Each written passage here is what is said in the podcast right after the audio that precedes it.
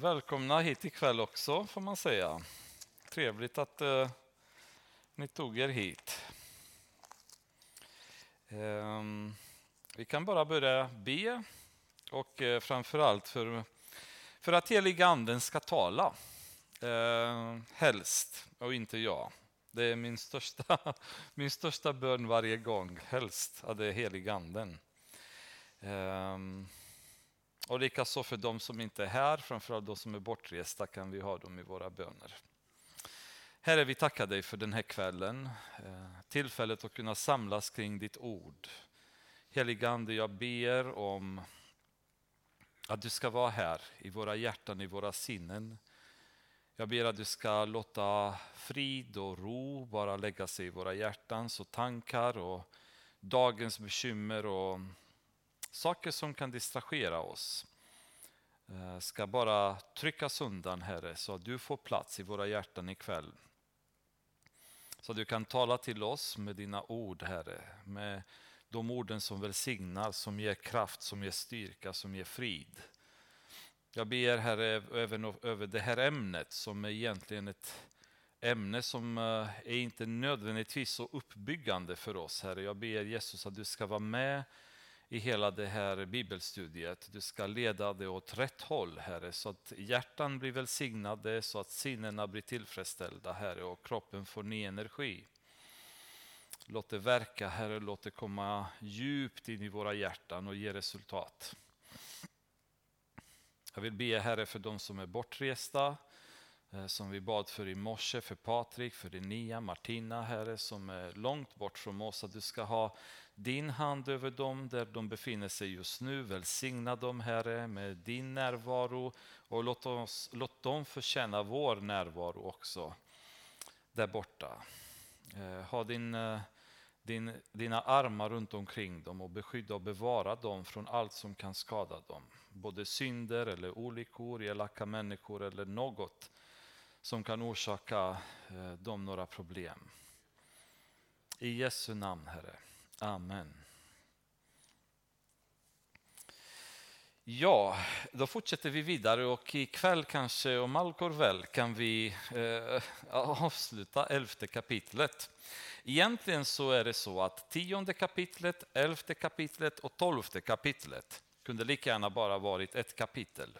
För alla de här händelserna sker samtidigt. Då. Så det är ju visionen som Daniel får när han är vid floden och det sträcker sig genom tionde, elfte och tolfte kapitlet. Då. Så det är ju indelningen av kapitel i Bibeln ibland kan bli lite problematisk från vårt sätt att begripa vissa texter, för vi ser eh, att nu slutar någonting och nu börjar något annat. Men det är inte alltid så, utan kapitlarna är lagda utav människor för att systematisera Bibeln lite mer. Eh, och det är inte alltid att de delar texterna korrekt. Då. Eh, men hur som helst, så vi försöker att hålla oss till de här kapitlen och se om vi kan eh, gå igenom elfte kapitlet idag. Om ni kommer ihåg förra, år, förra gången så pratade vi om Antiochus Epifanes eh, och den avbild av Antikrist egentligen som han skulle vara. Hans beteende, det han har gjort på sin tid, grymheterna, gentemot judarna. Ehm, det faktum att han proklamerade sig själv som Gud när han kom in i templet i Jerusalem och så vidare. Sa vi att det var som en avspegling av det som antikristen en gång kommer att vara. Ehm, och vers 35 eh, kan vi gå tillbaka ett steg, sluta så här. En del av de förståndiga ska falla och de ska luttras så att de blir rena och fläckfria in till ändens tid. För ännu dröjer slutet till den bestämda tiden. Så det kommer lite grann det här det språket som dyker upp flera gånger i Daniel där man markerar att nu, nu kommer vi i en annan tid. Eh, nu tar det här slut, sen kommer det finnas en längre tid framöver. Då. Och där kommer vers 36. Och det är bra att ha de här avdelningarna då, för många eh, tolkar vers 36 framöver att vara Antiochus Epifanes. Och gör man det, då kommer man till såna väldigt konstiga bibeltolkningar där man tvingar texterna åt olika håll för att matcha det man vill säga.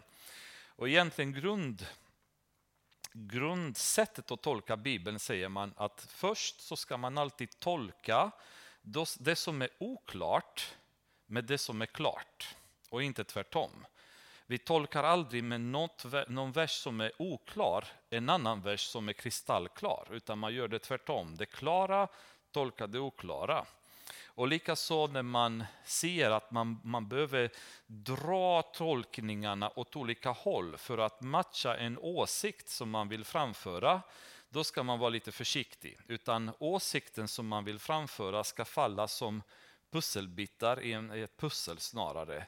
Att det ska gå lätt att, att placera det på plats. Och börjar man tvinga till tolkningarna åt olika håll, då, börjar, då ska man vara lite försiktig och kanske ta ett steg tillbaka och undra, är det verkligen rätt det jag tänker? Och därför är det ju väldigt viktigt att eh, ni som församling och vi som församling är alltid kritiska egentligen i grunden eh, mot det som sägs i predikostolen oavsett vem som predikar. Eh, för det är det Paulus sa om kyrkan i Berea, det var därför de var lite speciella, för då gick de hem och började gräva i ordet och kolla om det Paulus sa det verkligen stämde. Och det är vi lite dåliga på att göra idag, eller hur? Utan vi sitter i kyrkan, vi lyssnar på en predikan och tar till oss det, kanske, eller inte då. Men vi sällan går hem och börjar bli stimulerade att ah, det här måste jag nu leta mer information kring. Stämmer det verkligen? Är det verkligen så det är? Och det är bra om vi har den här hungern, eller om, det, om hungern kommer tillbaka, att vi börjar söka Guds ord och verkligen se om detta stämmer. Och detta skulle jag säga ur egen erfarenhet också, för att um, um, jag har haft tidigare i livet den här inställningen av att sitta i kyrkan och bara ta till mig det som sades då. Och många gånger så var det faktiskt idiotier som man hörde från predikostolen eller villoläror helt och hållet ibland. Um, Desto värre blev det när eh, folk reagerade väldigt emotionellt på det som sades i predikostolen. Att en predikant kunde stå totalt vara ute och cykla, men folk satt och grät i kyrkan och de var jättepåverkade av heliganden inom situationstecken. Då. Och, eh, och då kände man bara att men det här måste vara rätt. Alltså, för kolla hur folk reagerar, det är ju fantastiskt. Sen när man förstod att så är inte fallet och när jag hade bränt mig ett antal gånger med predikanter som, som sa alla möjliga konstigheter från predikostolen och man hade den här eh, strukturen och regeln i ens liv att sitta och noggrant analysera det som sades och väga det mot bibelsanningarna och gå hem och börja gräva då upptäckte man hur mycket konstigt som sades i församlingen. Men då kunde man sitta lugnt och bara känna att det här behöver inte jag ta till mig. Det här kan jag skjuta undan. Det andra som predikanten sa, det, det var bra, det tar jag till mig, det behåller jag. Det andra kan jag ta bort. Och det är faktiskt så pass eh, viktigt att göra för även kända predikanter i världen, då snackar jag stora som drar ut eh, tiotusentals i fotbollsarenor har många gånger predikat idiotier. Så det faktum att de är stora, kända och så vidare är ingen, ingen bekräftelse på att de inte är ute och cyklar många gånger eller att de kan säga helt fel. Så det kan ju vara väldigt bra att ha den här grunden även i, eh, i vår, vår inställning gentemot eh, församlingen och alla som predikar här. Ehm, jag vet en gång när Carolina var här i Sverige, vi var i Rumänien, det var på typ 1994 kanske, där någonstans. Då hade det varit ett möte här i kyrkan som hon upplevde att det var, det var lite konstigt då, men hon kunde inte placera vad det var. Så hon ringde mig och så berättade hon i telefonen att ah, det här är ju vad som har hänt i kyrkan och så såg mötet ut. Men jag, jag upplevde att det var lite märkligt och, och, så. Och sen började vi prata i telefonen då och så beskrev hon olika händelser. Ja, men de gjorde det och de gjorde det. Och då satt jag där och tänkte, mm, ja, ja, fast det här nu säger emot den här versen och, och, så vidare. Och sen efter vi hade typ ett bibelstudium via telefon då och sen Sen till slut så sa hon att ah, men nu, känns det, nu känns det bättre, nu har jag förstått att det var fel, liksom det som pågick. Men hon kände på något sätt innerst inne att ah, det här känns inte bra, men hon hade inte möjlighet att kunna säga men vad säger Guds ord om det? Vad säger Guds ord om det? Och det är det som jag tror att det, det är väldigt bra om det blir som en, en eh, röd tråd i allt vi gör, att väldigt, väldigt, väldigt noggrant måste vi titta, är det rätt? Säger Guds ord så eller säger Guds ord inte så?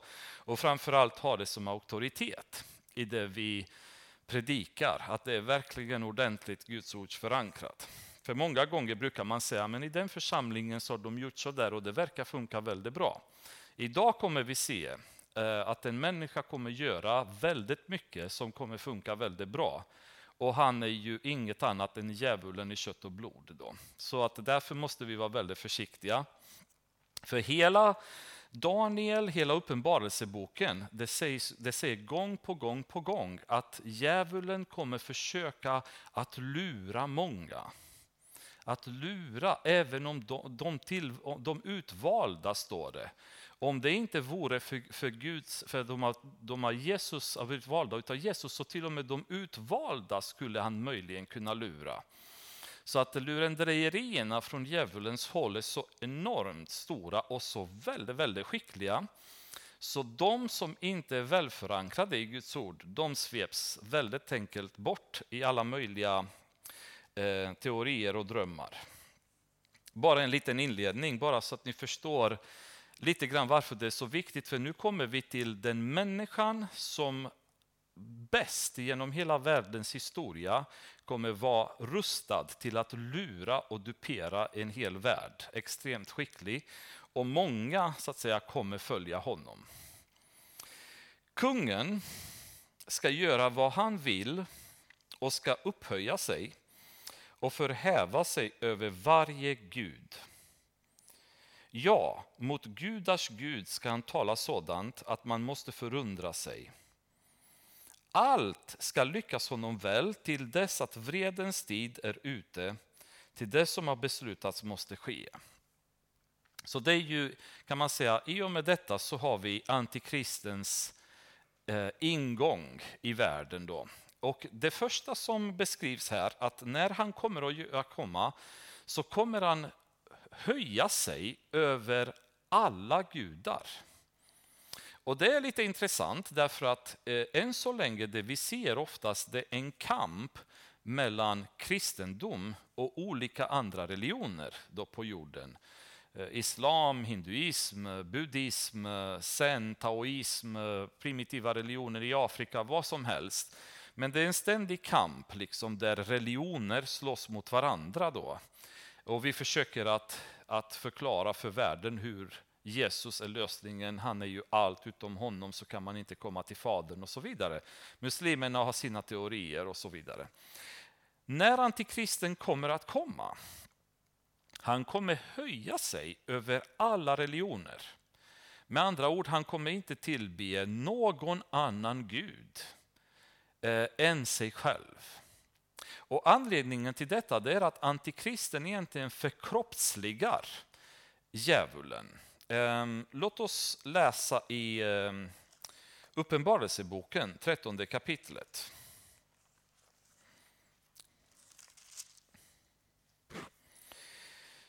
Ehm, innan dess så läser vi 12 kapitel, vers 9, bara så vi vet vem draken är, så det, så det blir verkligen klart.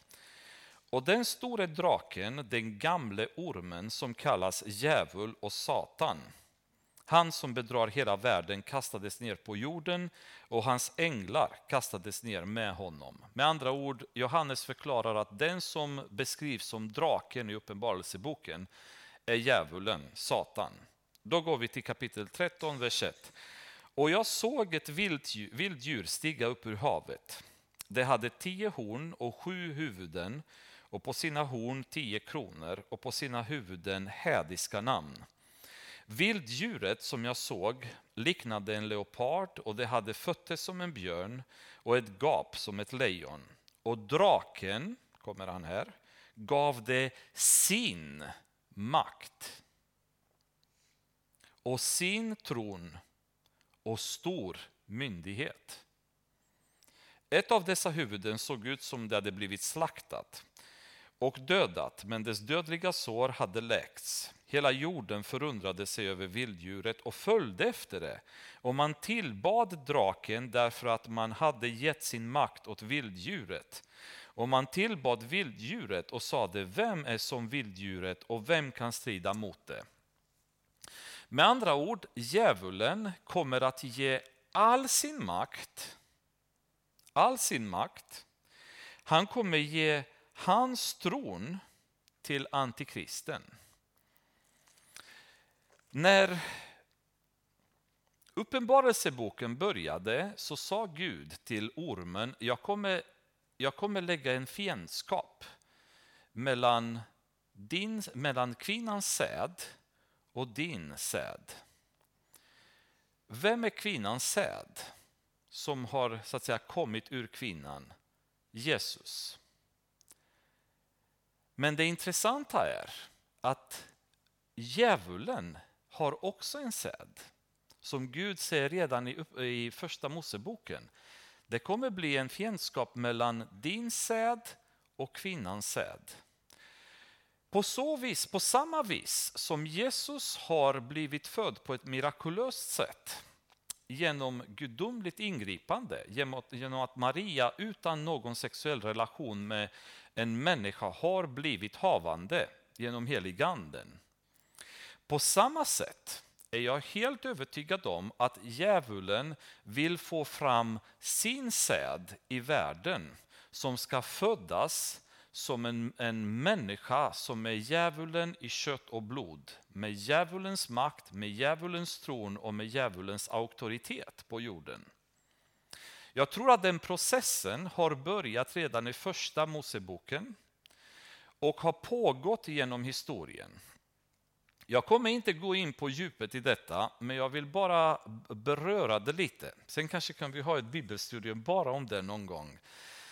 Men i första Moseboken så pratas det om Guds söner som beskrivs som fallna änglar som har sett att människornas döttrar var vackra. Och de kom på jorden och parade sig med människorna, eller inte bara parade sig, de tog till sig, står det. De tog till sig människornas döttrar därför att de var vackra. Och genom att de parade sig med, med, med mänskliga varelser, alltså med tjejer, så föddes de som kallades för eh, jättar på den tiden.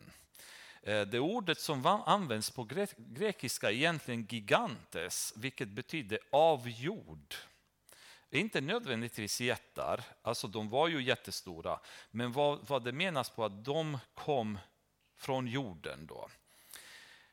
Eh, de här människorna sen, vissa säger att de förökade sig. Eh, de blev fler och fler. Man pratar om Anoks familj där alla var jättar, till exempel. Eh, ni kommer ihåg Nimrod, bland annat, världens första diktator i första Moseboken. Hans otroliga dåd som var en människa med enorm kraft som eh, lyckades göra fantastiska dåd. Och det var hans idé att skapa Babeltornet för att på så vis kunna nå Gud då, med tornet. Ehm, det som hände var att de här människorna, vad djävulen lyckades göra, vad han lyckades ta sina änglar, eller sina fallna änglar och börja inseminera jorden med en djävulsk säd. Och Det är ganska intressant, det pratas väldigt sällan om detta, men det är precis det som har hänt. Judas i Judasepisteln, han berättar hur att de här änglarna just nu sitter fastkedjade i väntan på att Gud ska ta tag i dem. Däremot så sitter de fastkedjade i ett ställe som heter Tartarus på grekiska, vilket är inte samma som Hades, det vill säga inte samma som det man beskriver som helvetet. Utan det verkar finnas ett annat ställe där Gud eh, håller de här änglarna fastkedjade i väntan på sista tiderna. När han kommer ta tag och, och döma dem. Men de här har etablerat en, en varelse så att säga som var halv djävulsk och halv människa som pågår kan man säga och förökar sig genom första Moseboken. När Noas flod kom, den kom inte bara för att mänskligheten hade blivit elak. Det var ju absolut en anledning. Men en, ett stort problem som var, det är att mänsklighetens arvsmassa höll på att gå under på grund av att Guds söner hade beblandat sig med människorna. Alla, när ni ser den här domen som Gud gör mot mänskligheten där han eradikerar hela, hela mänskligheten utom Noa och hans familj. Och vet ni hur Gud beskriver Noa? Varför Noa besparades? Därför att han var perfekt. Och jag tror bestämt att i det här fallet betyder inte perfekt bara att han var rättfärdig. Han var säkert så. Men jag tror också att det beror på att Noas arvsmassa var inte förorenad. Han var perfekt. Det fanns inget spår av något djävulskt eller något demoniskt i Noa. Han var perfekt. Han kunde sparas. Han kunde gå vidare och skapa en ny så att säga, befolkning på jorden. Det intressanta dock är att efter floden så träffar vi på de här igen. När Josua och Kaleb och spejarna kommer tillbaka från kanan, vad säger de till Mose när de kommer tillbaka? Vi har träffat på jättar. Och jämfört med oss så var vi som gräshoppor, med dem så var vi som gräshoppor. De har träffat jättar och jämfört med dem så var judarna som gräshoppor. Så det var inte bara att eh, Kaleb och Josua var en och en halv meter och de andra var två meter. Det var en enorm storleksskillnad mellan dem. Ni kommer ihåg David och Goliat. Jätten Goliat och han var en jätte som dessutom hade ytterligare bröder. För när David skulle möta Goliat, ni kommer ihåg han tog fem stenar för att ta hand om alla hans fem bröder. Men sen när han dödade Goliat så var det hela över. Då behövde han inte gå vidare. Det fanns fler sådana människor som hade spridit sig i världen igen. Eh, eh, de är Anoks söner.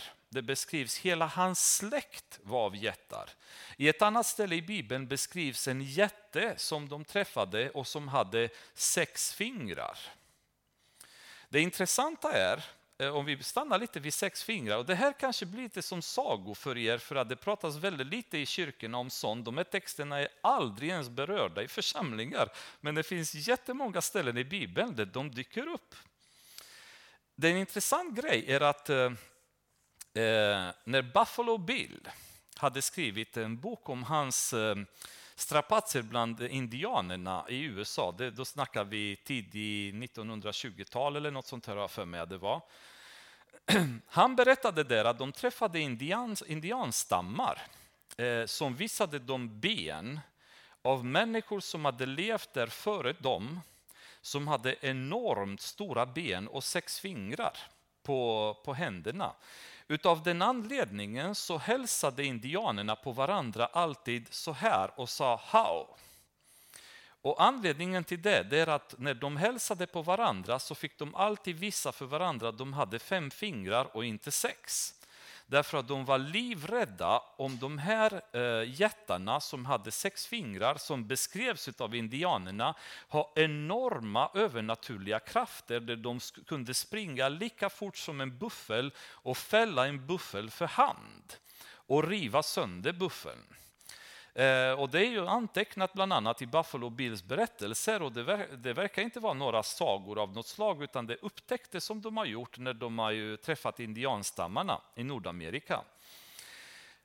Det jag vill säga med detta det är att jag tror bestämt att från och med första Moseboken kontinuerligt genom världshistorien så arbetar djävulen på flera olika sätt i försök att förstöra det som Gud har skapat, det vill säga människan och familjen, det vill säga äktenskapet mellan man och kvinna som är garanten för mänskligheten att dels Messias skulle komma och framöver att det finns en judisk nation Eh, till vilken Messias ska återvända sen när han kommer tillbaka på jorden. Och nu pratar inte jag kyrkans uppryckelse, eh, uppryckning därför att det kommer, bli, det kommer ske så att säga, utan att Jesus kommer tillbaka på jorden. Han kommer möta oss i himlen, alltså på molnen, det står i Bibeln.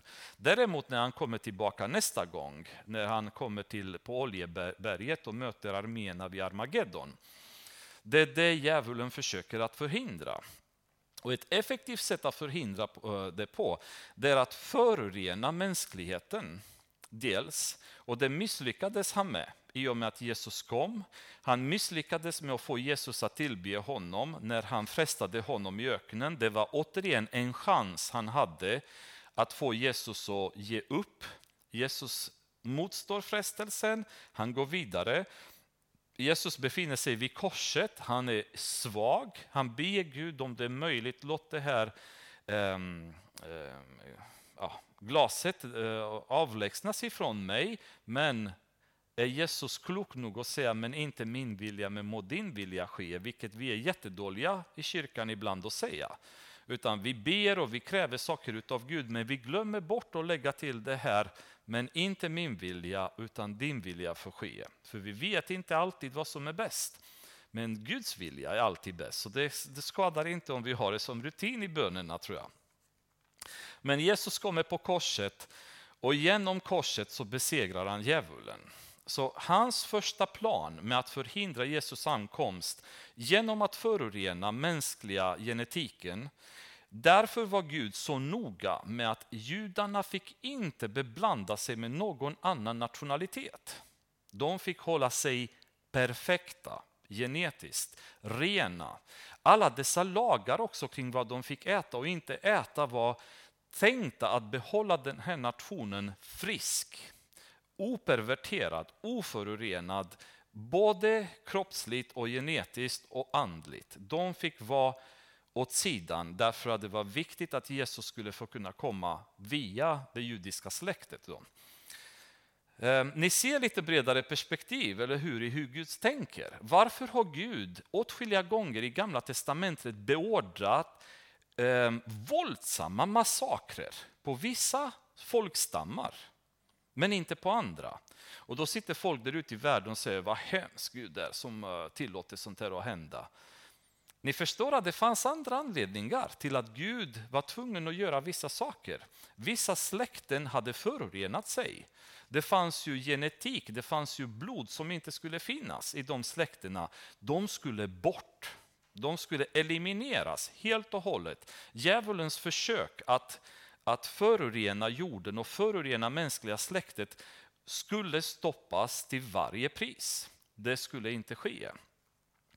Eh, djävulen har inte bara jobbat på den fronten, han har jobbat också i försök att eliminera eh, judarna åtskilliga gånger. Först med farao i Egypten, sen eh, när de befann sig i Persien via Haman till exempel, som försökte att döda alla judarna. Eh, åtskilliga gånger, massaker, massaker, massaker på judarna. Då. Eh, och det sista kan man säga, stora försöket är att alla bebisarna skulle dödas eh, under Herodes befallning. Då. Återigen för att till varje pris kunna stoppa Messians ankomst. Det här är något som djävulen har tagit på fullaste allvar och försökt på alla sätt att komma åt det här och strypa möjligheten för Jesus att kunna födas och kunna komma på jorden. Då. Eh, ni kommer ihåg när Paulus beordrar kvinnorna att täcka sitt huvud när de ber. Och vi i vår feministiska kultur, vi flippar ur när vi hör det här. Det här är kvinnoförtryck så det skriker om det. Men han lägger till en sak som väldigt många glömmer att läsa därefter och säger för änglarnas skull. Förstår ni nu varför? Det, det var så viktigt. Därför att änglarna, en gång i tiden, fallna änglar har blivit attraherade utav hur vackra kvinnorna var och kommit på jorden och tog åt sig de kvinnorna och parade sig med dem. Paulus säger, ni gifta kvinnor, när ni ber så ska ni täcka era huvuden för änglarnas skull. Signalera för änglarna att ni är gifta. Och därför ska ni täcka era huvud. Inte för att Gud vill förtrycka kvinnan, inte för att mannen ska härska över kvinnan, inte ska mannen ska de eh, devalvera kvinnans värde, utan därför att det finns onda andemakter som är beredda till att ta till varje tricks de bara kan för att förstöra det heliga som Gud har skapat. Väldigt många bud i Bibeln är, är lagda eh, där med väldigt tydliga anledningar. Och på grund av att vi är andligt eh, närsynta, skulle jag säga, så blir vi revolterade och tycker att det här är förtryck och Gud fattar inte hur vi har det under 2000-talet. Det här är skrivet för eh, de tiderna, det passar inte till de här tiderna. Och allt det här är bara Eh, idiotiskt sätt att tolka Bibeln, skulle jag våga påstå. Allting finns en plan. Ni har sett i Danielboken hur tydligt Gud eh, profeterar allting, planerar allting. Allt är systematiserat och vällagt med ett syfte. då. Men vi i vår okunskap många gånger, vi tror att eh, Gud har inte förstått att vi lever på 2000-talet och vi ska ju göra som vi vill idag. Vi ska inte göra som de gjorde då. Men faran är lika mycket idag som det var då. Och de onda andemakterna är lika aktiva nu och kanske till och med intensifierar sin aktivitet nu än de gjorde då. Eh, och jag går inte så mycket längre än så. Vi skulle kunna prata väldigt mycket om just Guds söner, eller de som heter Nefilim, då, det vill säga de fallna. Eh, det är en översättning. Sen kommer de som heter Refaim, då, som de inträffas vid något tillfälle i Gamla Testamentet i, i något strid där. Och det här är ju inte, inte någonting som är på historier utan de finns i Bibeln. De dyker upp under flera gånger. Vilket tyder på att djävulen aktivt arbetar för att skapa. Och det är min starka övertygelse att djävulen arbetar eh, ständigt på att skapa fram eller avla fram sin säd. Som likväl som Jesus var Gud förkroppsligad i världen så ska sedan Antikrist vara djävulen förkroppsligad i världen. Och Uppenbarelseboken talar om för oss att djävulen kommer ge honom, när han kommer, all makt och kommer ge honom hans tron. Ni förstår, det är ingen annan som detta har, har hänt med. Antikristen kommer få allt som djävulen är, kommer han agera som. Därför i vers 36 säger att kungen kommer inte bry sig om några andra gudar alls. Varken den äkta guden som, som så att säga, man ska tro på, mot gudars gud, så att säga, som det står här. För att mot gudars gud ska han tala sådan att man måste förundra sig, säger Daniel här. Alltså om vi tror att vi har hört smutsprat om Gud, om vi tror att vi har hört folk vara elaka mot Gud så är det ingenting jämfört med vad som kommer ur munnen från denna människa när han kommer på jorden som en inkarnation av djävulen. Eh, därför i Daniel 7 kapitel till exempel beskrivs han också som en hädande man. Eh, flera gånger i Uppenbarelseboken beskrivs han samma sak. Han, han kommer tala eh, hädande ord mot Gud. Alltså en riktig uppkäftig eh, smuts som kommer ur hans mun om Gud hela tiden. Och världen förbereds inför detta redan idag när vi har svordomar med Gud och svordomar med Jesus. Och humorprogram på tv som driver med Jesus och med Gud. Um, och det är ju det är fruktansvärt. Jag känner varenda gång man hör detta så mår man dåligt. Men Daniel beskriver här, eller, eller eh, Jesus eller ängeln som man möter säger att Eh, han talar sånt att man måste förundra sig. Alltså folk kommer bara rygga tillbaka och undra, vad är detta liksom? Hur kan han? Så den, den, den smuts och elakhet och eh, ogudaktigt tal som kommer att, att komma ur denna människan kommer inte att finnas något annat likt på jorden. Det har aldrig funnits. Och han kommer upphöja sig över varje gud. Varför? Vad ville Satan när han revolterade mot Gud? Han ville vara Gud själv. Så det här är hans försök, äntligen att kunna vara Gud själv och bli tillbett som Gud utav hela jorden. Det är därför han är inte intresserad av andra gudar, falska eller riktiga, utan han vill vara Gud själv. Han vill att han ska få all tillbedjan. Och det är därför han kommer göra som Antiochus Epifanes, han kommer gå in i templet i Jerusalem och kräva att hela världen tillber honom. Och de som inte tillber honom och inte tar hans, hans mark, då 666 på högra handen eller pannan, de kommer dödas. Punkt slut. Det är det han är intresserad av. Han vill få tillbedjan, han vill vara Gud själv. Därför så har han inget intresse av några som helst andra gudar. Men vill säga areligiös. Han bryr sig inte om någon religion alls, men han kommer kräva tillbedjan gentemot honom. Då. Vers 37, han kommer inte att visa någon aktning för sina fäders gudar, kommer här igen. Och inte heller för den som är kvinnors lust eller för någon annan gud, utan ska upphöja sig över alla. Så utöver att han inte kommer visa någon aktning för någon annan, några andra gudar eller hans fäders gud, så kommer det här också sägas att han inte kommer eh, visa någon aktning för det som är kvinnors lust. Intressant vers. Och det är inte helt rätt att förstå heller kan jag säga. För att egentligen hebreiska ordet är kvinnornas önskan, står det snarare. Hade det varit lust hade det nästan varit lättare att tolka, men det står kvinnornas önskan. Och då är det frågan, vad handlar det här om? Och egentligen så troligen så finns det två möjliga tolkningar. Den ena tolkningen är att alla de gudfruktiga kvinnorna i Israel, de religiösa kvinnorna, deras önskan var att kunna vara de som födde Messias. Så de hoppades alltid att det är de som skulle vara den, den som födde Messias. Det var en slags eh, eh, vana eller eh, talesätt bland de, de djupt religiösa kvinnorna eh, i Israel.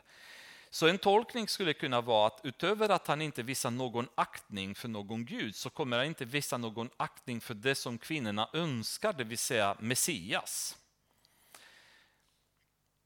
Det kan ju stämma, men det kan också vara lite på gränsen till det jag sa, kanske, kanske lite för påtvingad tolkning, men det är lite svårt. Man måste gå tillbaka till hebreiska orden för att verkligen förstå vad det står.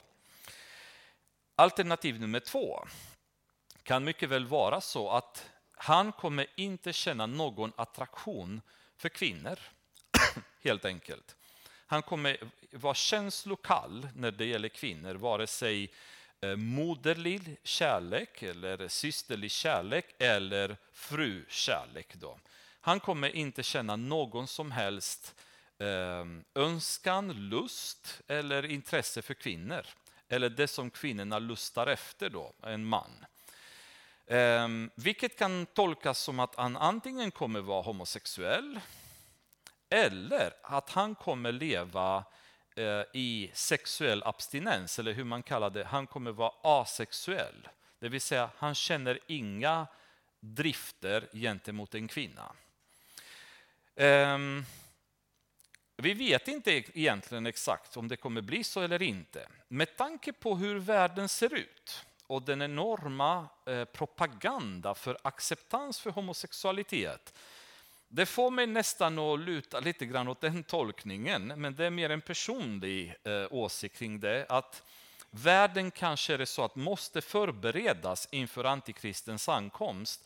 Så att om han kommer vara homosexuell, ingen ska lyfta på ögonbrynen, utan vi måste acceptera och inte bara att vi måste bli vana vid tanken och därmed acceptera det. Men också som det är idag, om vi inte accepterar så kan vi till och med bli straffade. Eftersom då är det hets mot folkgrupp, vi är hatare, vi är ju homofoba etc. etc. Det kan mycket väl vara en tolkning. Eller så kan det vara en sån tolkning som till exempel katolska kyrkan har, det vill säga där de eh, tvingar celibatet. Eh, automatiskt, du får inte gifta dig. Och Det finns åsikter kring detta också, att det möjligen kan finnas en sån situation där han, han kommer liksom leva ett liv där han är så full av sig själv.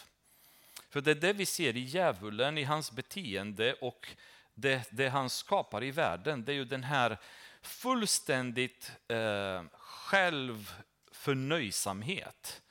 Ehm, vi ser att när, när människan lever i synd, det är ju den, det, det hållet vi drar oss många gånger. Vi blir själviska, vi blir självupptagna, vi tycker om oss själva etc.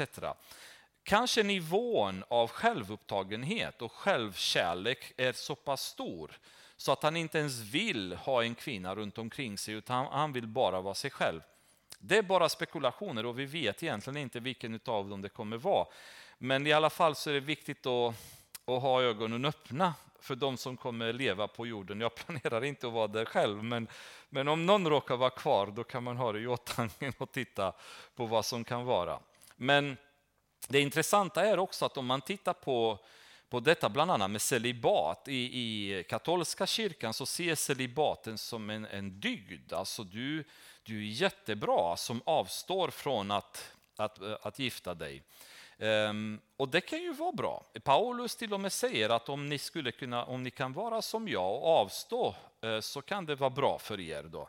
Men ingenstans i Bibeln däremot så är celibatet ett tvång utan det är ett val. Om jag känner att jag vill ägna mer av mitt liv till Jesus, en kvinna som känner att jag vill inte ha en man för vilken jag ska snygga till mig och göra mig i ordning och så vidare, och så vidare utan jag vill bara leva för Jesus, så säger Paulus, det är jättebra att göra det.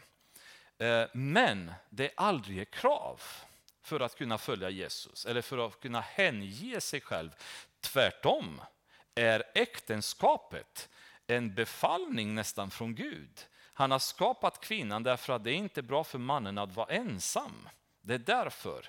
Han har sagt till man och kvinna att man får inte beröva varandra de sexuella relationerna då. Gud vill att man och kvinna ska leva tillsammans och hänge sig åt varandra. Det är ju hans plan med hela mänskligheten att man och kvinna kommer tillsammans. De blir ett och de föder barn och de förökar sig och fyller hela jorden. Det är Guds plan med mänskligheten. Så jag anser att det är ganska demoniskt egentligen att skapa ett system där man beordrar eller tvingar människor att vara i celibat. Därför att det är inte Guds vilja. Guds vilja är för människan att gifta sig, man och kvinna. Inte man med man och inte kvinna med kvinna. Det finns ingenstans i Bibeln. utan man och kvinna, det är Guds plan för mänskligheten och det är rätt. Och därför tror jag att det kan finnas en möjlighet att antikristen som är så eh, djävulsk i sin natur, att han inte kan relatera till den här heliga samvaron som Gud har skapat. Eh, för man kan säga att man har kyrkan och man har familjen. Det är ju de två kyrkorna som finns på jorden som Gud har välsignat och uppmuntrar. Och det är de två som djävulen försöker gång på gång att förstöra. Och hela den här perversitetskulturen som vi har nu har som syfte att anfalla familjen till sin kärna och förstöra det. Gudrun Schyman hon gick ju för inte så länge sedan och skrek död åt kärnfamiljen. Liksom. Ett fullständigt djävulskt påstående som är emot allt som Gud har skapat. Gud har skapat familjen som grunden till hela vårt samhälle idag. Och därför är djävulen så ständigt upptagen att attackera familjen numera på alla sätt. Allt som skapar en annan familjekonstellation än man och kvinna är bra i djävulens ögon. Man och kvinna, det hatar man. Därför att det här är Guds plan. Allt annat är djävulens plan. Så det kan ju vara Antingen att han kommer vara väldigt aggressiv mot Messias, liksom mot alla andra gudar, eller han kommer vara homosexuell eller asexuell. Det vet vi inte. Versen är för oklar för att kunna säga exakt vad det handlade om, men man kan ha det i tanken då som potentiell tolkning. Ehm, vi kan läsa nu i Andra Thessalonikerboken innan vi går vidare. En annan del av Bibeln som förklarar en hel del om antikristen och hur han är som person. Så har vi lite mer till grund sen. Andra Thessalonikerboken, andra kapitlet.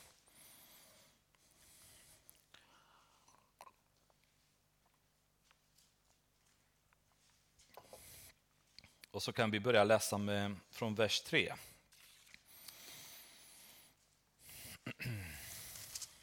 Jag tycker jämt att när jag börjar läsa det jag ska läsa så känner jag, nej men det funkar inte. Jag vet inte om jag är dyslektiker, men jag öppnar jämt till fel bibelböcker. Så nu var ju andra Timoteusbrevet, tänkte det här stämmer inte riktigt med jag hade förberett, men nu kanske stämmer det bättre. Nu vänder jag till andra Thessalonikerboken. Och eh, andra kapitlet sa vi och så börjar vi med vers 3. Låt ingen bedra er på något sätt. Till först måste avfallet komma och laglöshetens människa. Ett annat namn för antikrist. Förresten, antikristen har jättemånga olika namn i Bibeln. Det är bara det i sig vore intressant i bibelstudion någon gång. Alla antikristens namn, för han är döpt på massa olika sätt. Men det här är ett annat namn, laglöshetens människa. Fördärvets son, ytterligare namn. Öppet träda fram Motståndaren som förhäver sig över allt som kallas Gud eller heligt så att han sätter sig i Guds tempel och säger sig vara Gud. Ytterligare bevis att säga, på den beskrivningen. Han ställer sig över allt som heter Gud. Kommer ni inte ihåg att jag sade er detta när jag ännu var hos er? Ni vet vad det är som nu håller honom tillbaka så att han kan träda fram först när hans tid kommer. Redan är ju laglöshetens hemlighet verksam. Han som nu håller tillbaka måste endast först röjas ur vägen. Sedan skall den laglöse öppet träda fram, men honom kommer Herren Jesus att döda med sin muns anda och förgöra när han visar sig vid sin ankomst. Den laglösens ankomst är ett verk av Satan och sker med stor kraft, med lögnens alla tecken och under och med all slags orättfärdighet som bedrar dem som går förlorade eftersom de inte tog emot sanningen och älskade den så de kunde bli frälsta. Han kommer med, agera med all djävulens kraft och med lögner som kommer i princip dupera vem som helst.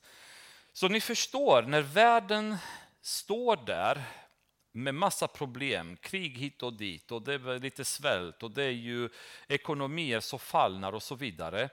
Kommer denna djävulen i kött och blod med massa lösningar för, för världen då som, som kommer så lätt lura. Men vem, står det där, kommer lura de som inte har tagit emot Jesus, de som inte har blivit frälsta.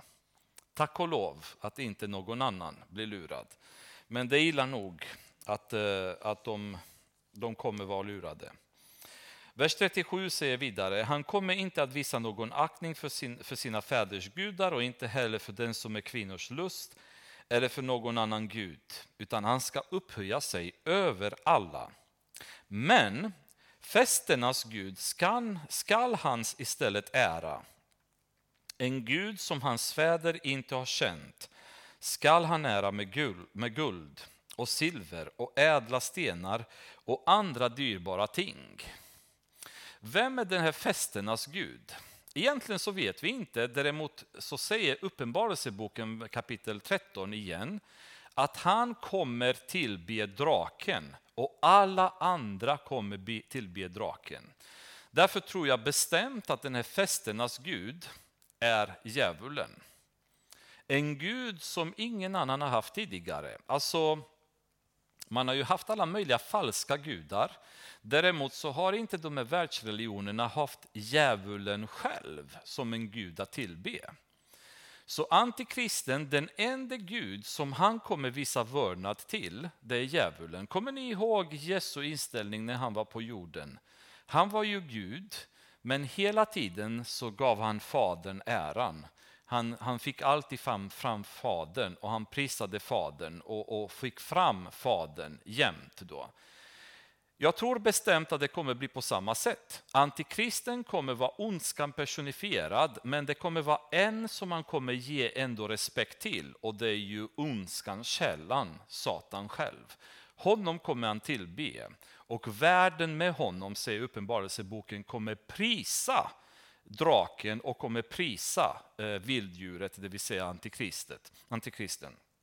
Så det kommer finnas en gud. Ehm, dessutom så verkar det som att han, han eh, beskriver sig som festernas gud. Då. Den vidare så står det i vers 39, han ska göra vad han vill med starka befästningar, men främmande Guds hjälp. Det vill säga att han kommer förmodligen inleda krig mot vissa områden då.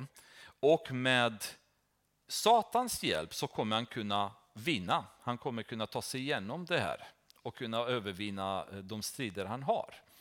Så jag tror att det kommer bli en period av krig som man kommer börja därefter.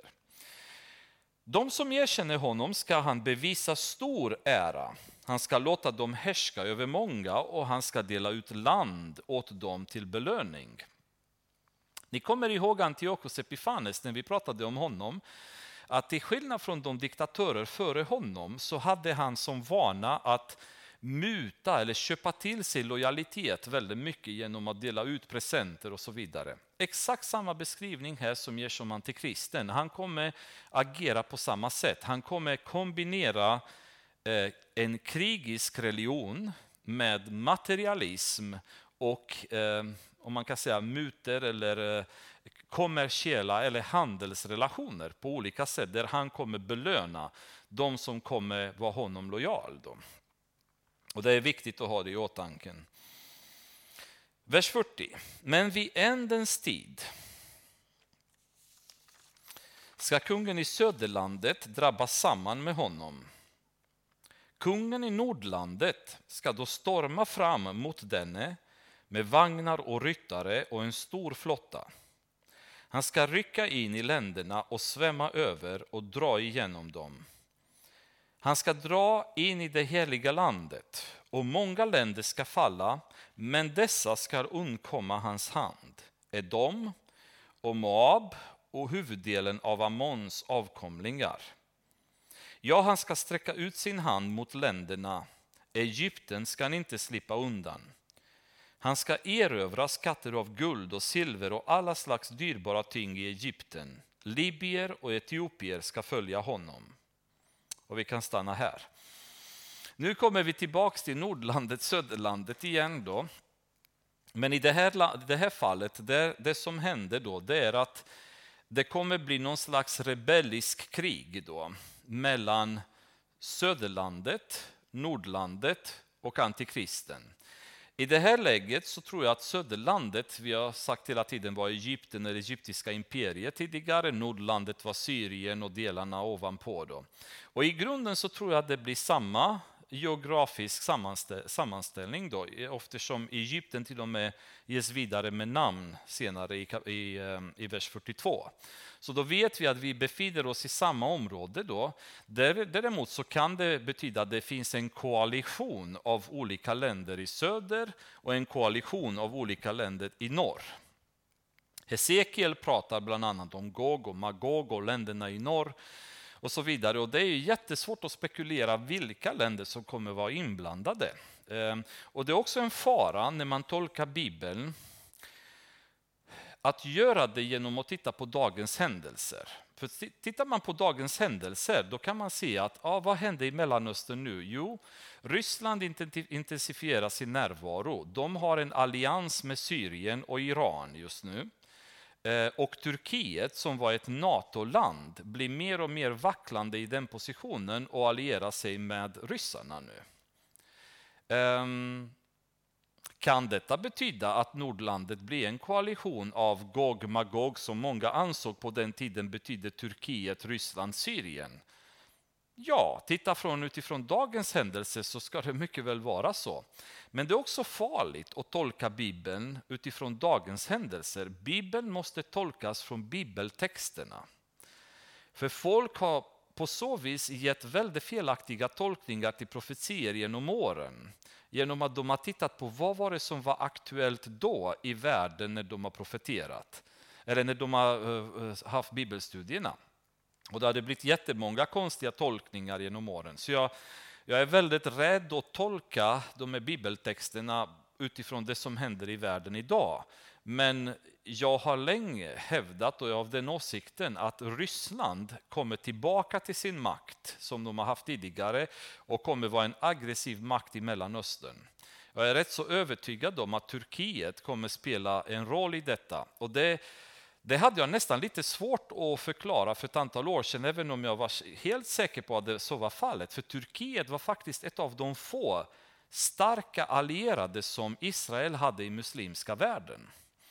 Så det är väldigt svårt att se hmm, hur kommer Turkiet vara med i detta. Men i och med till exempel Erdogans eh, ankomst, när han liksom har återislamiserat Turkiet och eh, ja, är väldigt Israel aggressiv och så vidare, då känner jag bara hmm, ja, man kanske hade rätt tolkning trots allt. Vi får se.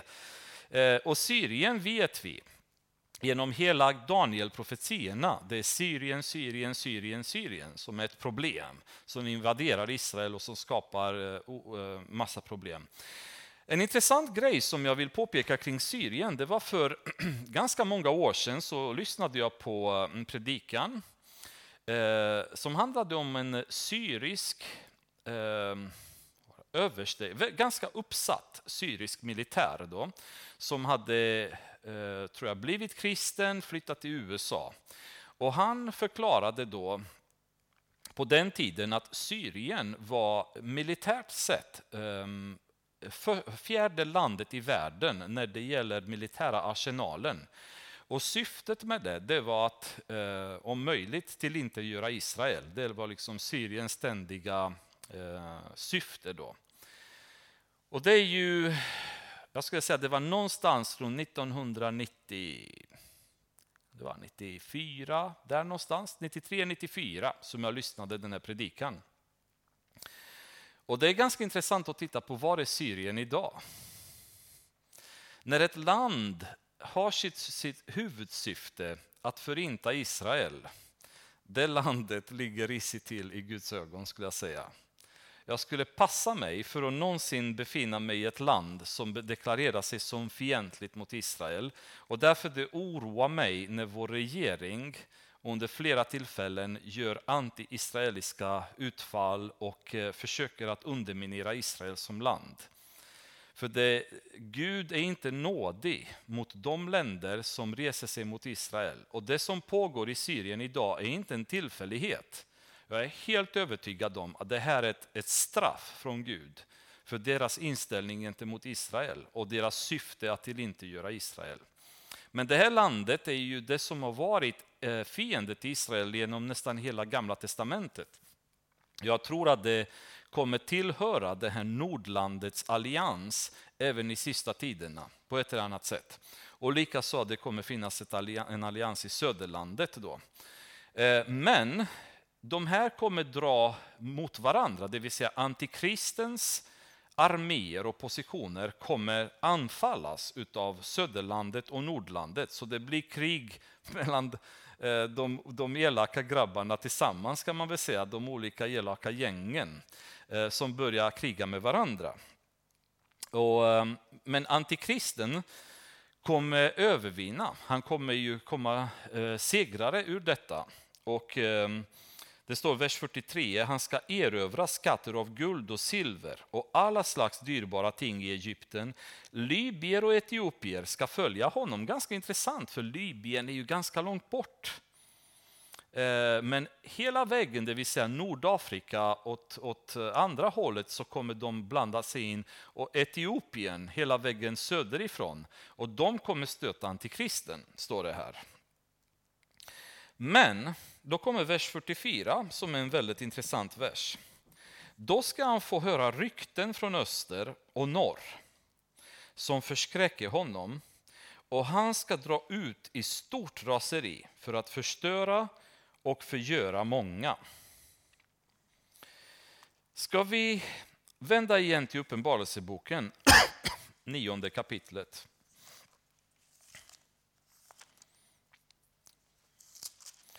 Jag tror att det blir en, en klarare beskrivning av vad som komma skall här. Nionde kapitlet kan vi läsa från vers 13. Den sjätte ängeln blåste i sin basun och jag hörde en röst från de fyra hornen på guldaltaret inför Gud. Den sade till den sjätte ängeln, han som hade basunen, släpp lös de fyra änglar som är bundna vid den stora floden Eufrat. Nu är vi alltså Bagdad, trakterna i Irak, där fyra änglar står bundna och på något sätt håller eh, det området. Och nu får de befallning att de ska släppas lös, lösa. Då släpptes de fyra änglarna lösa, de som för den timmen, den dagen, den månaden och det året stod rustade för att döda en tredjedel av eh, människorna. En tredjedel av jordens befolkning. De här fyra änglarna har stått och väntat i all evighet för den här året, månaden, veckan, timman när de ska släppas lösa. Antalet män i dessa ryttarherrar var 20 000 gånger 10 000. Töserna som är goda på matte, vad innebär det? Vilket antal? 20 000 gånger 10 000. 200 miljoner. 200 miljoner. Jag hade inte kunnat räkna heller, men jag, jag fuskade hemma då. 20, gånger, 20 000 gånger 10 000. Jag hörde deras antal. Det vill säga, det här är inte bara generalisering, utan jag hörde deras tydliga antal. Och så här såg jag hästarna och deras ryttare i min syn. Ryttarna hade eldröda, mörkblå, svavelgura bröstharnesk och hästarna hade huvuden som lejon. Och ut ur deras mun kom eld och rök och svavel. Av dessa tre plågor, elden, röken och svavlet som kom ur deras mun dödades tredjedelen av människorna. Till hästarnas makt ligger i deras mun och i deras svans. Deras svansar liknar ormar och har huvuden och med dem vållar de skada. De andra människorna, de som inte dödades av dessa plågor, omvände sig ändå inte från sina händers verk, så de upphörde med att tillbe onda andar och avgudabilder av guld och silver, brons, sten och trä, som varken kan se eller höra eller gå. Och de ångrade inte sina mord och sina svartkonst, sin otukt och sina stölder. Ehm, jag tror att det är den här armén som kommer från öster, alltså från Eufrat-hållet, som antikristen eh, hör rykten om här, vers 44. Då ska han få höra rykten från öster och norr som förskräcker honom och han ska dra ut i stort raseri för att förstöra och förgöra många. Vilka är de här 200 miljonerna? Egentligen så vet vi inte, om man ska vara ärlig. Men det vi, det vi vet är att det är arméer som kommer från öster. Det kan ju vara en, en koalition av länder i öster, eller så kan det vara ett land, det vet vi inte. Det som är däremot fascinerande det är att veta att Kinas reguljära armé idag ligger på 200 miljoner soldater. Är det en tillfällighet eller inte, det återstår att se då. Men från öster kommer de att komma och de kommer orsaka antikristen stor, stort raseri. Han blir vansinnig och börjar föra krig nu på alla fronter mot de här. Sina palats tält ska han slå upp mellan havet och helgedomen, helgedomens härliga berg. Men han går mot sitt under, sin undergång och ingen hjälper honom. Så han kommer instaurera sin militärbas i Israel mellan havet och det heliga berget, troligen Jerusalem. Och han kommer att gå mot sin undergång utan att någon hjälper honom. Ni kommer ihåg när Jesus kommer tillbaka kommer han döda antikristen och hans armé bara med ordet från sin mun. Det räcker. Ingen kommer kunna hjälpa honom, ingen kommer kunna eh, göra något mot honom, eh, för honom då i det här läget. Det här är en, lite, en liten beskrivning. Eh, mera detaljerade beskrivningar av vad han gör och hur han gör, det finns i Uppenbarelseboken. Det kommer kanske lite senare, även i Daniel, lite mer i kapitel 12. Men i grunden, tillsammans med kapitel 2, tillsammans med kapitel 7, tillsammans med kapitel 10, 11, så är det här en ganska tydlig beskrivning nu av vad som komma skall på sista tiderna. En, en avspegling av detta har redan hänt i världen. Vi har sett små antikrister då som har orsakat väldigt mycket elände. Men denna människan som kommer, som jag tror är ingen annan än djävulen i kött och blod, han kommer vara den som, eh, eh, som är betydligt mer än allt annat vi har sett. Och han kommer lyckas, eh, lyckas väl. Eh, vill nu återkomma till vers 36 i avslutningen. Allt ska lyckas honom väl till dess att vredens tid är ute. Allt han gör ska lyckas honom. Och ibland bedömer vi saker som, lyck eller som är från Gud utifrån hur de lyckas. Om någonting lyckas väl så anser vi att amen, det här måste vara från Herren, för titta vad bra det går. Det betyder inte alls att det måste vara från Herren. Om en församling eh, är väldigt skicklig på att utöka, utöka medlemsantalet, det betyder inte på något sätt att den församlingen följer heliganden. Att den församlingen gör heligandens verk då, på något sätt. Um, och vi är ju ständigt, uh, vi tänker ju mänskligt hela tiden kring de här bitarna för att vi, vi tycker oftast att amen, lite större antal, kommer folk följa någon, om en predikant drar massa skaror efter sig, om en påve fyller stora arenor med, med människor och så vidare. Det måste vara någonting som kommer från Gud. För titta vad människorna kommer och vad de, eh, vad de följer, de här människorna. Ehm, att man lyckas väl betyder inte alls att det är rätt. Och man vet att antikristen kommer att lura. Det, det, det standardordet, det nyckelordet lura, lura, lura. Han är lögnens fader, djävulen, och han kommer använda sina lögner till max, säger Johannes i Uppenbarelseboken. Han kommer vara full av Satans lögner och han kommer använda dem skickligt för att dupera hela mänskligheten att följa honom till undergång. Så popularitet eh, eller ökat antal följare betyder inte att Gud är med i det. Och i avslutningen, ja, det här har legat på mitt hjärta jättelänge, så vill jag läsa i Uppenbarelseboken brevet till Philadelphia som Jesus skriver. Skriv till församlingens, det är tredje kapitlet förresten. Elise blir alltid besviken när man inte säger vad man läser ifrån, för då kan hon inte hitta, så jag får komma ihåg det. Uppenbarelseboken, tredje kapitlet, börjar med vers 7. Skriv till församlingens ängel i Filadelfia. Så säger den helige och sanne, han som har Davids nyckel, han som öppnar så att ingen kan stänga och stänger så att ingen kan öppna. Jag känner dina gärningar Se, jag har låtit en dörr stå öppen för dig, en dörr som ingen kan stänga. Ty din kraft är ringa och du har hållit fast vid mitt ord och inte förnekat mitt namn. Vad säger Jesus om församlingen i Philadelphia? Din kraft är ringa. Du är inte någon stark församling, du är inte någon explosiv församling. Ehm, förmodligen så har du inte tiotusentals medlemmar. Du har inte häftiga gudstjänster, du har inte lovsång så det sprängs, eh, fönstren sprängs och så vidare. Men du har gjort en sak och det är det Jesus berömmer församlingen för.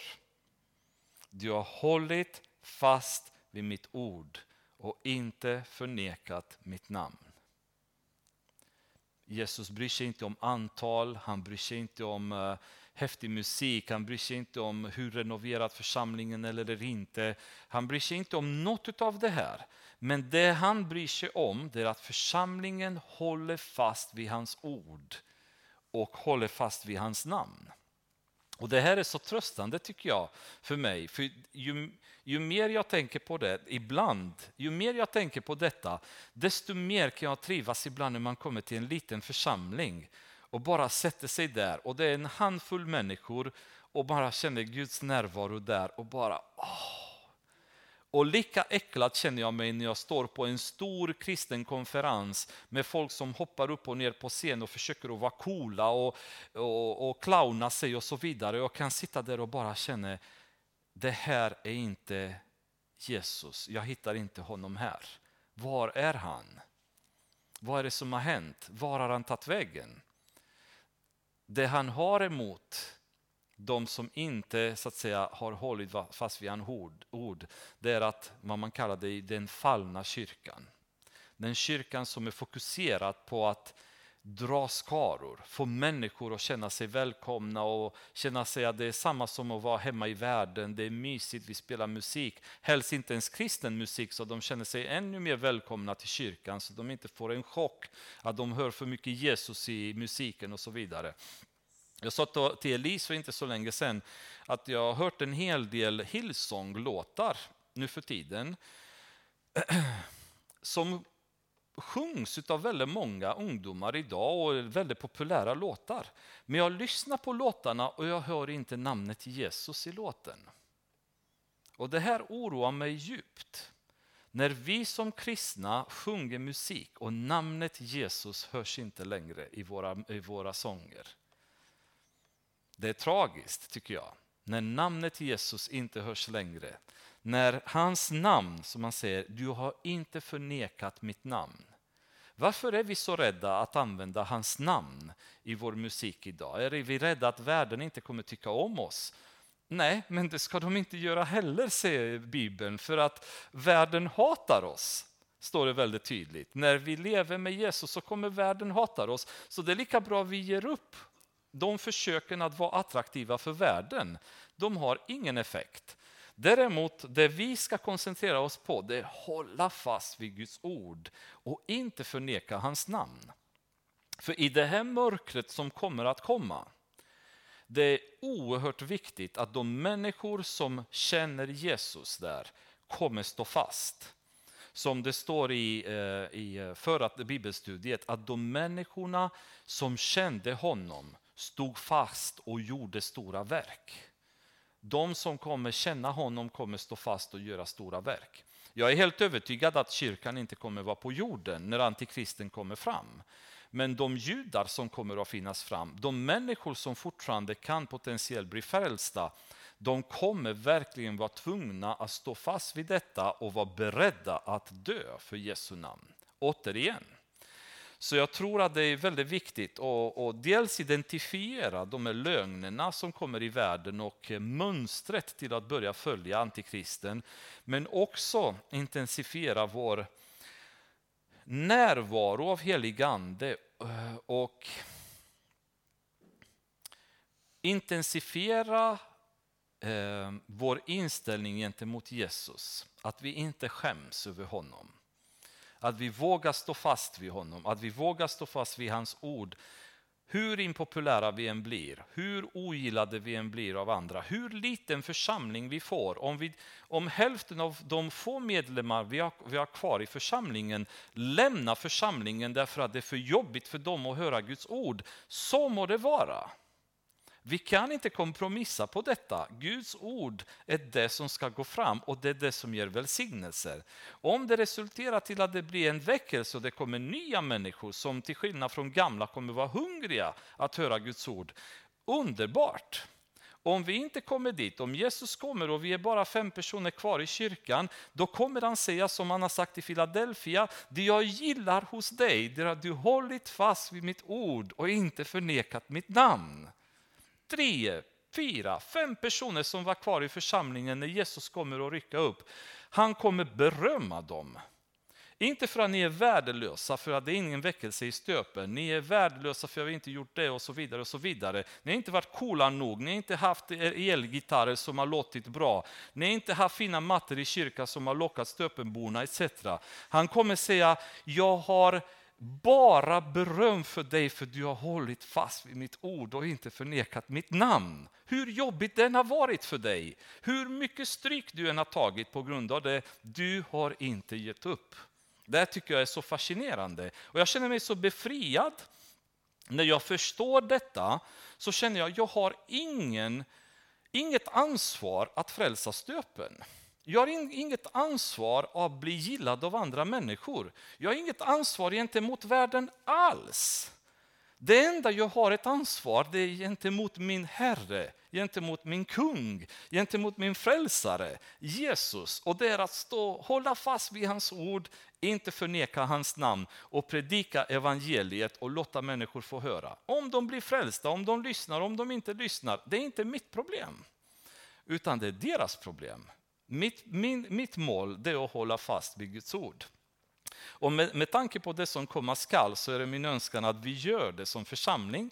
För då har vi också en ro och inte, inte en kramp i, i, i vårt liv. Att vi måste, vi måste, vi måste. Kolla, det händer saker där, det händer saker. Nej, det vi måste, det är börja hålla fast vid Guds ord och hålla fast vid hans namn. Sen får väckelsen komma när det kommer, när heliganden tycker att vi är beredda. Eh, eller så kommer det inte, utan om en vecka så möter vi Jesus på, på molnen. Men då ska vi vara beredda, då kommer vi dit och möter vår brudgum som vi har längtat efter och älskat och trånat efter. Då. Och det är det vi kommer dit och, och, och, och få. Och, och det, det, den tanke liksom av vad Jesus representerar i förhållande till det här som vi har pratat om idag, som egentligen är en predika som jag inte har, har tyckt att jag mått bra av att förbereda ens, för att det är bara ondska och det är elakt och det är ju negativitet och det är elände. Men det är i Bibeln och vi måste prata om det. Men samtidigt när jag förberedde mig så kände jag ännu mer, åh, åh vad jag älskar Jesus istället.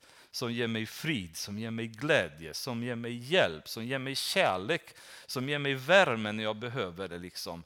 Åh, vad mycket roligare det är att leva med Jesus än att leva i världen och behöva vara utsatt för detta. Så jag hoppas att ni känner så också allihopa och ehm, um, blir ännu mer längtan att följa Jesus. Herre, vi tackar dig, Herre. Vi tackar dig för din kärlek. Tack för att du är vår Gud, vår kung, vår älskare, vår frälsare, Herre Jesus. Tack för att du har våra liv i dina händer. Tack för att du har satt din sigill på våra hjärtan så ingen kan rycka oss undan, Herre, den frälsning som du har förberett för oss. Jag prisar dig för detta, Herre. Jag ber att du ska hjälpa oss att bli visa så att vi kan se de tecken som som dyker upp, Herre, som markerar slutet på denna värld och sista tidernas ankomst. Men samtidigt, Herre, låt våra hjärtan inte oroa sig, utan låt oss få bara ta tid, spendera i bön, söka dig, känna att vi bygger upp vår kärleksrelation med dig, Jesus. Låt inte oss vända ryggen, Herre. Låt inte oss försöka vara populära för världen, utan låt oss få bara stå fast vid ditt ord, Herre och aldrig förneka ditt namn. Vi tackar dig Herre, tack för den här kvällen. Jag ber om en extra välsignelse för alla som har tagit sig ikväll Herre. Låt dem få bara gå hem fulla av helig anden och bara ha mycket att tugga på och mycket att bara läggas, gå till sängs, lägga sig och känna att du har dem i dina armar Jesus. Bara krama var och en och låt dem få känna att, att de har dig bredvid sig. Amen.